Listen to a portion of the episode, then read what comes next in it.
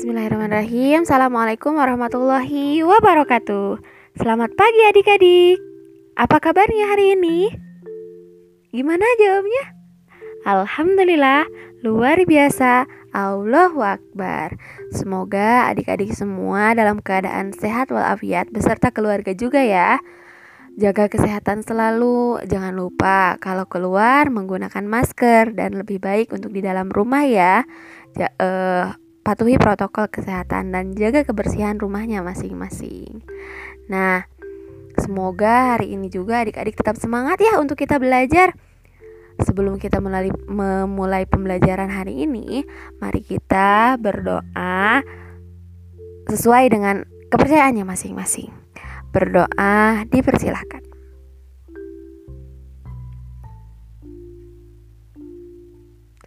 Berdoa dicukupkan, Semoga dengan kita berdoa apa yang kita pelajari hari ini bisa kita amalkan, bisa kita apa ya, bisa kita gunakan dalam kehidupan sehari-hari ya. Uh, nah, sebelumnya kakak mau nanya nih ke adik-adik, apakah masih ingat uh, pembelajaran kita di hari di minggu kemarin? Kita hari ini akan belajar apa sih teman-teman? Ya, belajar bahasa Indonesia. Nah, belajar bahasa Indonesia di minggu kemarin kita belajar mengenai apa?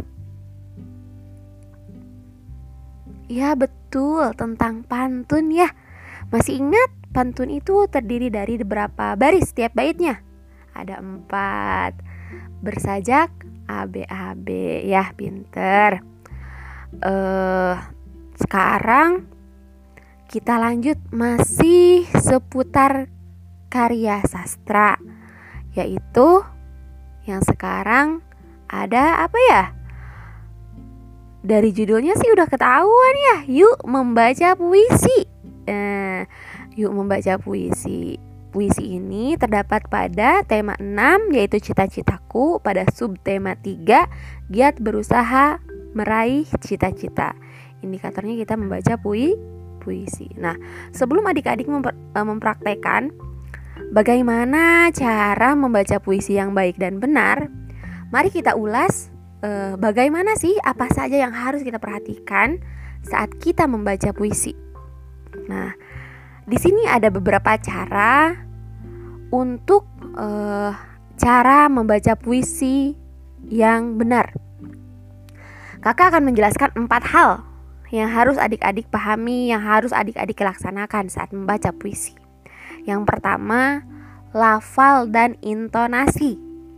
Yang kedua, ekspresi atau mimik wajah.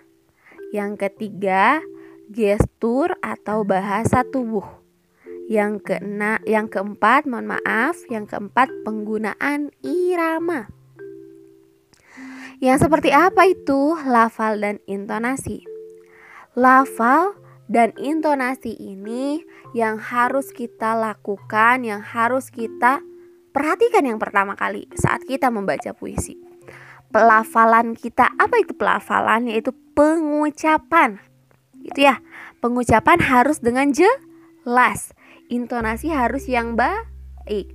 Jangan terlalu tinggi, jangan juga terlalu rendah, tapi sesuai dengan ukuran ukurannya, gitu ya. Yang kedua, ekspresi wajah atau mimik wajah. Jangan sampai ketika kalian sedang membaca puisi yang senang, tapi raut wajah kalian sedih.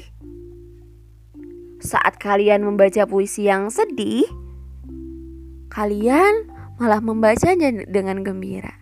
Jadi, ekspresi wajah itu harus sesuai ya, teman-teman. Nah, misal kalau senang tertawa dengan lebar, eh, maaf, senyum dengan lebar. Kalau sedih, renungi, resapi, seperti mata kita yang berkaca-kaca. Kalau marah, ya harus ekspresi marah. Kalau malu, harus ekspresi malu. Ungkapkan ekspresi kalian saat membaca puisi, oke teman-teman? Nah, yang selanjutnya ada apa nih? Yang ketiga tadi. Apa yang ketiga? Ya, gestur atau bahasa tubuh. Jangan sampai ketika kalian sedang membaca puisi, gestur tubuh kalian itu tidak terlihat gitu. Maksudnya hanya terdiam, berdiam diri tanpa ada gestur tubuh, misalnya nggak ada gerak tangan kanan kiri, monoton gitu. Hanya diam saja sambil membaca. Itu bukan membaca puisi ya teman-teman tapi membaca teks gitu. Jadi gestur tubuh kita harus bermain nih. Misalnya cara kita menunjukkan tunjukkan tangan kita. Cara kita ketika sedang marah hentakan kaki kita. Itu boleh. Ya saat kita misal ada ada, ada ekspresi kita saat malu menutup muka menutup wajah misalnya kayak gitu jadi terlihat gestur tubuh kita. Jangan sampai hanya berdiam diri ya teman-teman tubuh kita. Jadi ada kaitannya antara yang tadi ekspresi wajah dengan gestur tubuh. Biasanya kalau kita sudah memainkan uh, mimik wajah, ekspresi wajah, gestur tubuh kita juga akan mengikuti. Nah, yang keempat, penggunaan irama harus dibedakan dengan membaca biasa dan membaca dengan irama. Kan kalau misalnya kita membaca biasa ya uh, bacaan gitu misalnya bacaan aku sedang belajar gitu. harus beda dengan ketika kita membaca puisi. Kan kalau kalau misalnya kita lagi membaca biasa misalnya aku sedang belajar biasa kan kita aku sedang belajar. Beda dengan kita membaca puisi misalnya gunung yang menjulang tinggi jadi ada irama yang keluar dari suara kita gitu. Berirama gitu ya teman-teman ya. Nah, yang selanjutnya nih ada contoh puisi. Ada yang mau dan harus mau ya teman-teman uh, di rumah masing-masing setelah mendengarkan podcast ini, teman-teman uh, langsung praktikan apa yang telah tadi dijelaskan satu, pelafalan ya. Pelafalan yang harus jelas. Pengucapan huruf, pengucapan kata harus harus jelas. Jangan sampai tidak terdengar gitu ya. Apa sih yang kita ucapkan gitu. Yang kedua, ekspresi wajah harus nantiasa ada saat kita membaca puisi. Yang ketiga, gestur tubuh. Nih, gestur tubuh harus ada ya, teman-teman. Saat kita membaca puisi sehingga uh, yang keempat pun harus kita lakukan gitu ya. Saat kita membaca puisi itu tidak boleh sama dengan kita saat ngobrol biasa. Nah harus menggunakan irama sehingga ketika empat hal tadi uh, teman-teman adik-adik bisa lakukan nanti kakak kirim juga ya uh, PowerPoint materi tentang puisi tapi semoga mudah-mudahan adik-adik mencatatnya ya karena ilmu itu akan terus kita ingat dan jika lupa ada catatan kalau kita mencatat jadi catatan itu sebagai pengikat oke okay? harus nantiasa mencatat ya oke okay. untuk itu supaya teman-teman dipermudah nanti e, cara mempraktikkan ketika teman-teman membaca puisi akan kakak kasih contoh ya di sini judul puisinya cita-citaku. Tapi mohon maaf karena ini sebuah podcast jadi nggak terlihat nih mimik wajah sama gestur tubuhnya. Tapi semoga teman-teman di rumah bisa melakukannya ya. Boleh lihat contoh-contohnya. Nanti kakak juga akan mengirimkan uh, misal cara gestur tubuh, ekspresi wajah yang terlihat. Cita-citaku Anganku melayang ke masa depan. Aku ingin menjadi seorang guru. Guru adalah pejuang ilmu di garis depan. Guru tanpa pamrih berbagi ilmu. Aku akan berusaha menggapai cita-cita takkan lelah untuk mencari ilmu. Tak akan berpikir pangku tangan saja demi tercapai cita-citaku. Jadi itu teman-teman, contoh cara membacakan puisi yang mungkin bisa dikatakan baik ya. Contoh eh, dengan lafal dan intonasi yang jelas. Ada iramanya juga kan tidak tidak seperti ini ketika membaca puisi. Anganku melayang ke masa depan. Aku ingin menjadi seorang guru. Tidak kan ya teman-teman tadi sudah dicontohkan. Anganku melayang ke masa depan.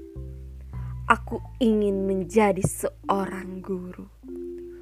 Guru adalah pejuang ilmu di garis depan. Guru tanpa pamrih memberi ilmu. Nah, itu. Bisa teman-teman ulangi, ulangi dan ulangi di rumah. Nah, apa sih yang selanjutnya? Yuk coba baca puisi. Nah, teman-teman bisa tuh explore di bukunya masing-masing banyak ya. Macam-macam puisi, macam-macam puisi yang bisa teman-teman uh, baca gitu ya karena teman-teman sekarang udah pada punya teknologinya masing-masing nah boleh boleh teman-teman uh, baca ya sesuai dengan ketentuannya ya. Jadi tugasnya teman-teman baca puisi dengan direkam video ya dengan penggunaan lafal yang jelas intonasi yang jelas ekspresi wajah yang sesuai gestur tubuh yang sesuai juga memiliki irama. Jangan monoton jangan lempeng-lempeng aja gitu ya nah ketika membaca puisi mungkin untuk pertemuan hari ini itu saja mengenai puisi jangan lupa ya dikerjakan tugasnya membaca puisi dengan di tag videonya boleh dibantu oleh kakak orang tua atau ada uh, yang membimbing kalian di rumah ya semoga kalian dan keluarga tetap sehat kalau keluar, patuhi protokol kesehatan. Jangan lupa tersenyum. Hmm, semoga kita bisa bertemu di kesempatan lainnya ya. Eh, mohon maaf atas segala kesalahan dan kekurangan atas pembelajaran hari ini tentang puisi ya teman-teman. Eh, sekali lagi dikerjakan tugasnya. Terima kasih. Wassalamualaikum warahmatullahi wabarakatuh. See you.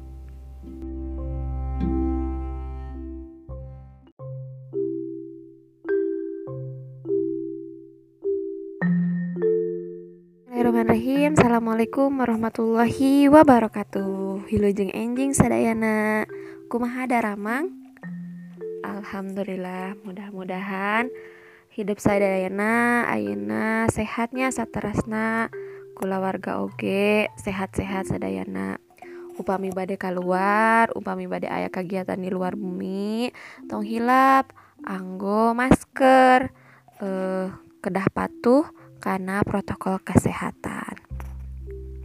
Nah, satu acan orang diajar, ngawitan diajar, hayu sadayana orang uh, ngaos doa heula uh, dina mana sewang-sewangan ngaoskeun doa di kawitan. Alhamdulillah. Mudah-mudahan uh, awasan doa anu nembe ku diawaskan ku hidup diawaskan janten hmm, syariatnya kanggo orang sadayana uh, mudah-mudahan pengajaran yang dinten ayeuna ku hidup tiasa kacangkem sadayananya tiasa emot saterasna kanggo uh, kehidupan orang di mungkin di masa depan. Uh, cobi satu acan di kawitan uh, orang emutan deui naon wae anu atos dibahas di mingon kamari. Pasti mudah-mudahannya pasti atau napi mudah-mudahan hidup sadayana emut. Naon wae anu entos dibahas ku orang di mingon kamari. Dina pangajaran bahasa Sunda. Leres mingon kamari teh uh, ngajelaskan par, perihal ngajelaskan naon? Ngajelaskan masih kak lingkungan sabuderennya eh naon wae anu jadi pakasaban atau di Indonesia nama profesi eh masyarakat anu ayah di sabuderen bumi urang. Naon wae cenah? Aya jadi patani aya anu jadi anu nelayan tuh kan tebihnya di laut na oge jantan tak anu jadi nelayan paling pedagang ya pekebun gitunya leres. Nah ayeuna masih ngenaan tema lingkungan sabuderen. Cobi tinggal di PPT na kin ku hidup ayah sababara hiji gambar anu eh, kedah. Di lenyepan ku masing-masing. Ayah anu nuju naon eta teh? Ayah anu nuju nyapukeun halamannya buruan ayah anu nuju nyapukeun buruan. Ayah anu nuju nyapukeun lantai bumi ayah anu mersihan sampah mersihan runtah ayah anu ngepel oge. Nah kinten-kinten eta teh kegiatan naonnya nah eta gambar teh Eta nunjukkan kagiatan kanggo miara lingkungan di di bumi sarang diburu buruannya. Ngenaan lingkungan sabodaren ieu teh kudu dikawitan ku urang tehnya ngajaga lingkungan anu aya di paling caket eta lingkungan bumi. Ku urang bumi teh kudu di kudu di kumaha? Kudu dijaga kebersihanana nyaeta kedah disapuken entong ngabala entong micen runtah sembarangan. Nya kudu diempel supaya te aya bakte bakteri anu nempel sehingga orang oge aktivitas nasehatnya bersih lingkunganna tak iya saha anu nuju nyapukeun eta salah satu salah sahijina teh kanggo ngajaga kebersihan lingkungan di sabuderen bumi nyaeta hiji. Mersihan buruan. Boh eta mersihan sampahna anu pabalatak. Boh oge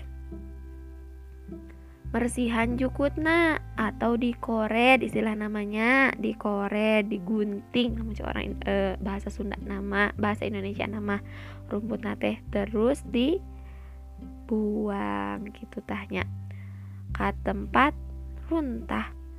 Anu kedua disapukan lantai bumi nah nah kudu disapukan sabab orang teh tiap hari ayah di bumi. Komo ayeuna nuju sekolah di bumi daringnya. Jadi sadayana kegiatan dilaksanakan di bumi sehingga supaya orang na nyaman orang na sehat orang na bersih tempat na bersih kudu dibersihan supaya orang oke belajar na nyaman fokusnya lamun te ayah lamun lantai na ber bersih. Selanjutnya eta kemersihan sampah. Bersihan runtah. Eta runtah teh kedah nama dipijen karena tong sampah karena tong sampahnya karena wadah runtah ulah dipijen samarangan. Komodei lamun dipijen kak? Kawalungan. Engke bisina nyumbat. Jadi bisi ban banjir. Alim kan hidup banjirnya jadi jadi sampah tilas naon wae? Kedah dilebetkan karena wadah run runtah. Anu hiji deui ngepel. Pada ngepel tuh cenah si neng neng saya tetenya ngepel. Nah Dina eta ngepel uh, orang teh ngabersihan tina nyapu terus ngepel supaya lebih ber bersih. Keramik nak tinggal mengkilat misalnya teh gitunya uh, supaya rawasan orang teh uh, berkegiatan di ruangan di bumi gitunya nah tina gambar eta ku hidup lenyepan emutan cobi naonnya anu badai kurang dibahas leres. Kegiatan anu tiasa dilakukan di bumi sewang-sewangan supaya bumina tetap ber bersih nah ayeuna aya contoh paguneman. Nah bu ayeuna contoh pagunemannya. Dina pangudeman iya ayah keluarga anu bade sasarengan ngabersihan bumina sareng buruan eta keluargana Udin. Di dia ayat tilu urang anu eh Dina pagunemana. Ayah bapak ayah ibu ayah Siti ayah oge Udin. Punten sanes tiluan namun opatannya. Sahur bapak dinten iya urang sadayana bakal ngabersihan rorompok sahur ibu mohon pak. Naon wae anu anu bade kurang sadaya dibersihan pak sahur bapak bade pa, bapak bade ngabersihan jukut sahur nate. Mohon pak upami kitu ibu mah bade sasapu sarang ngepel di lebet rorompok sahur siti upami abdi damel naon atuh nyabu sahur ibu ka Siti Siti ngabantosan sasapu buruan ya upami abdi ngabantosan naon bu sahur Udin? Udin ngabantosan bapaknya ngakutan jukut karena wadah sampah ken mohon bu sahur Udin. Hayu orang beberes sasarengan eta contoh paguneman ya eta keluarga na Udin teh bade meresihan rorompokna. Saunatenya badai meresihan bumina supaya bere bersih hidup oge. Kedah Ayeuna di bumina sewang-sewangan ngabantosan mamah sareng bapak ibu sareng bapak ngabersihan bumina sarang buruana supaya bersihnya uh, eta tugas ti ibu pancen ti ibu mungkin kedah ayah dokumentasi kanggo kegiatan sanitasi atau bebersih di lingkungan sabuderen bu. Bumi. Iya ayah deh hiji deh ini ayah deh uh, carita ya mah. Nu tadi mah paguneman nu aya nama carita. Sawawengi angina ageng pisan buruan bumi Udin pinuh ku daun anu maruragan. Udin keluar bumina bade ameng sarang aep. Ning ningal buruan bumina meni kotor. Udin langsung nyandak sapu. Udin nyapukan eta buruan anu kotor. Aya gesik sarang neng daunan anu kasapuken Udin ngumpulkan kesik sarang dadaunan eta. Gesik sarang dadaunan eta tiasa diangga dianggo kanggo diajar ngetang Udin ngawitan ngetang. Ayap dongkap teras ngiringan ngabantosan Udin. Nah tina cerita eta orang sarang sarang rarencangan bahwa sarang rarencangan uh, komodei sarang keluarganya. Kedah silih bantosan sapertos ayep ngabantosan Udin ker mersihan buruana anu kacida balana sabab wengina aya angin anu ageng pisan sehingga aya daun-daun anu maruragan. Nah hiji sarang kesik teh nah upami da, pada melan dikerjakan sasarengan insya Allah tereh reng rengse ogen te capek te teuing. Nah kukituna ayeuna hidup kedah tiasa ngabantosan orang tua di buminya sewang-sewangan. Ngabantusan ngepel ngabantusan sasapu ngabantusan bersihan buruan ya ngabantusan bersihan bumi gitunya mudah-mudahan hidup biasa ngalarapkan e, pancen di ibunya e, ulah hilap di foto kin dikintunan ka ibu kanggo tugasna eh damel hiji paguneman sapartos paguneman keluarga Udin tadi ngenaan bebersih di bumina masing-masing. Sakit wae.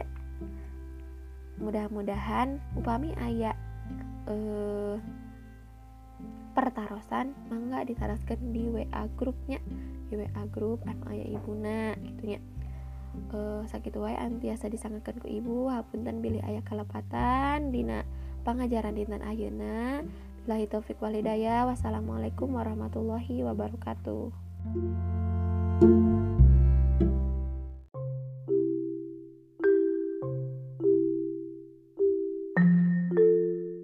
Bismillahirrahmanirrahim Assalamualaikum warahmatullahi wabarakatuh Selamat siang teman-teman Kembali lagi dengan Kak Yuli Pada kesempatan kali ini uh, Kita akan belajar apa? Nah hampir lupa ya sebelum kita belajar uh, bertanya dulu nih semoga teman-teman sehat ya di rumah ya sama keluarga uh, tetap patuhi protokol kesehatan ketika kalian mau keluar rumah atau ada kepentingan uh, bersama keluarga.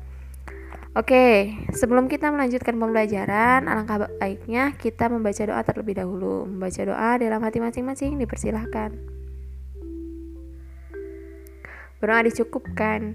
Nah, pada kesempatan kali ini kita akan membahas uh, eh pelajaran apa sih yang akan kita pelajari hari ini sama kakak? Ya betul, pelajaran IPA dibuka ya buku IPA-nya dan dibuka juga uh, dokumen yang dikirimkan oleh kakak di grup WhatsApp-nya. Nah, sebelum itu kakak ingin mengingatkan kita ingat kembali ya teman-teman. Pertemuan kemarin kita membahas apa ya? Ya, betul. Membahas metamorfosis. Apa katanya metamorfosis itu? Ya, perubahan bentuk pada makhluk hidup ya salah satunya hewan. Nah, untuk saat ini kita akan metamorfosis itu dibagi menjadi berapa katanya? Dua, ya betul. Ada metamorfosis sempurna dan metamorfosis tidak sempurna. Nah, teman-teman, uh, pada kesempatan kali ini kakak akan membahas perbedaan metamorfosis sempurna dan tidak sempurna. Apa saja sih yang menjadi perbedaan antara metamorfosis sempurna dan metamorfosis tidak sempurna ini. Yang pertama, perbedaan pada metamorfosis sempurna dan tidak sempurna itu yaitu metamorfosis sempurna mempunyai ciri-ciri adanya fase yang disebut fase pupa atau kepompong. Biasanya terjadi di apa? Ayo, kalau kepompong. Tahapan metamorfosis sempurna ini adalah telur, larva, pupa atau kepompong, dan imago atau dewasa. Sedangkan metamorfosis sempurna tidak mempunyai ciri-ciri dengan adanya fase kepompong. Tahap metamorfosis tidak sempurna yaitu telur, ke nimfa, dan ke dewasa. Nimfa itu apa?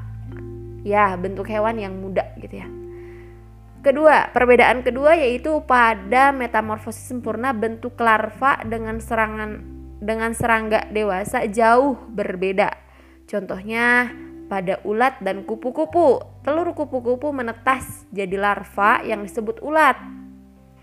Ulat berbentuk amat berbeda dengan kupu-kupu kan? Asalnya ulat, bahkan ada teman-teman mungkin yang takut akan ulat tapi setelah menjadi kupu-kupu berubah ya menjadi indah. Nah, itu termasuk metamorfosis sempurna karena bentuk larvanya itu tidak sama dengan bentuk dewasanya. Sedangkan pada metamorfosis tidak sempurna, bentuk nimfa atau serangga yang baru menetas tidak jauh berbeda dengan bentuk serangga dewasa atau imago karena pada e, proses metamorfosis tidak sempurna ini tidak melalui proses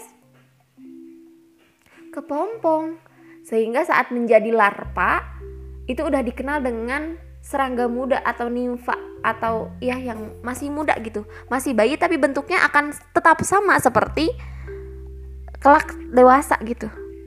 Perbedaan nimfa dan serangga dewasa yang jelas terlihat adalah nimfa tidak memiliki sayap.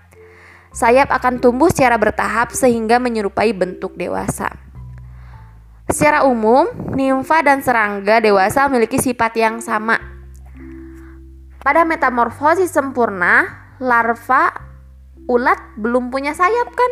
Tapi ketika sudah dewasa, ulat tersebut menjadi bersayap. Ya, karena berubah menjadi kupu-kupu. Padahal itu ulat dewasa, bukan ulat dewasa tapi kupu-kupu ya teman-teman. Jadi ulat itu nantinya akan berubah menjadi indah, itu dengan, e, menjadi seekor kupu-kupu. Nah, si larva ini gitu ya prosesnya di metamorfosis sempurna ini setelah menjadi larva kemudian hidup uh, beberapa minggu nanti dia itu akan membentuk uh, apa ya larva akan berubah menjadi kepompong. Larva ini akan berubah menjadi pupa atau kepompong tadi. Dengan membentuk apa ya pelindung dari daun yang dilipat. Teman-teman sering lihat kan ada daun-daun yang melipat di dalamnya itu terdapat kepompong ya. Ulat yang telah berubah menjadi kepompong. Biasanya ada di banyak pohon ya, banyak pohon yang tinggi-tinggi itu yang ada daunnya kayak mangga suka ada. Apalagi yang terlihat itu di pohon pisang ya, sering banyak yang melilitkan daunnya untuk menjadi kepompong. Nah, contohnya metamorfosis yang plus gambar bisa teman-teman lihat di dokumen yang dikirimkan ya ada metamorfosis sempurna itu contohnya kupu-kupu tadi telah disebutkan. Karena kupu-kupu ini dari kupu-kupu dewasa menghasilkan telur, kemudian telur menjadi ulat, ulat menjadi kepompong, kepompong menjadi kupu-kupu muda dan kupu-kupu muda menjadi kupu-kupu dewasa. Semakin tua, semakin semakin bertambahnya usia si kupu-kupu, maka semakin indah bulu eh bulu sayap yang dimilikinya. Kemudian yang kedua, contoh gambar metamorfosis tidak sempurna. Contohnya ini terjadi pada belalang. Ketika belalang dewasa bertelur, gitu ya. Si telur ini langsung berubah menjadi nimfa atau belalang muda. Sama halnya, bentuknya itu sama seperti belalang dewasa. Nah, itu saja mungkin teman-teman yang bisa kakak sampaikan pada kesempatan kali ini di pembelajaran metamorfosis, perbedaan metamorfosis sempurna dan tidak sempurna. Semoga teman-teman dapat memahaminya ya. E, jadi yang kita bahas hari ini adalah perbedaan metamorfosis sempurna dan tidak sempurna. Perbedaannya itu terletak pada perubahan yang terjadi gitu ya. Adanya fase kepompong atau pupa pada metamorfosis sempurna sementara di metamorfosis tidak sempurna tidak terjadi hal tersebut. Teman-teman semoga bisa membedakannya ya. Untuk itu supaya teman-teman bisa lebih memahami silahkan buat atau cari se contoh sebanyak-banyaknya hewan yang termasuk ke dalam metamorfosis sempurna dan metamorfosis tidak sempurna. Nanti setelah mendengarkan podcast ini teman-teman langsung kerjakan dan dikumpulkan paling paling lambat besok hari ya. Dikumpulkan di WhatsApp grupnya masing-masing. Terima kasih atas perhatiannya. Jangan lupa dikerjakan, tetap semangat, jaga kesehatan, patuhi protokol kesehatan. Billahi taufiq wal hidayah. Wassalamualaikum warahmatullahi wabarakatuh.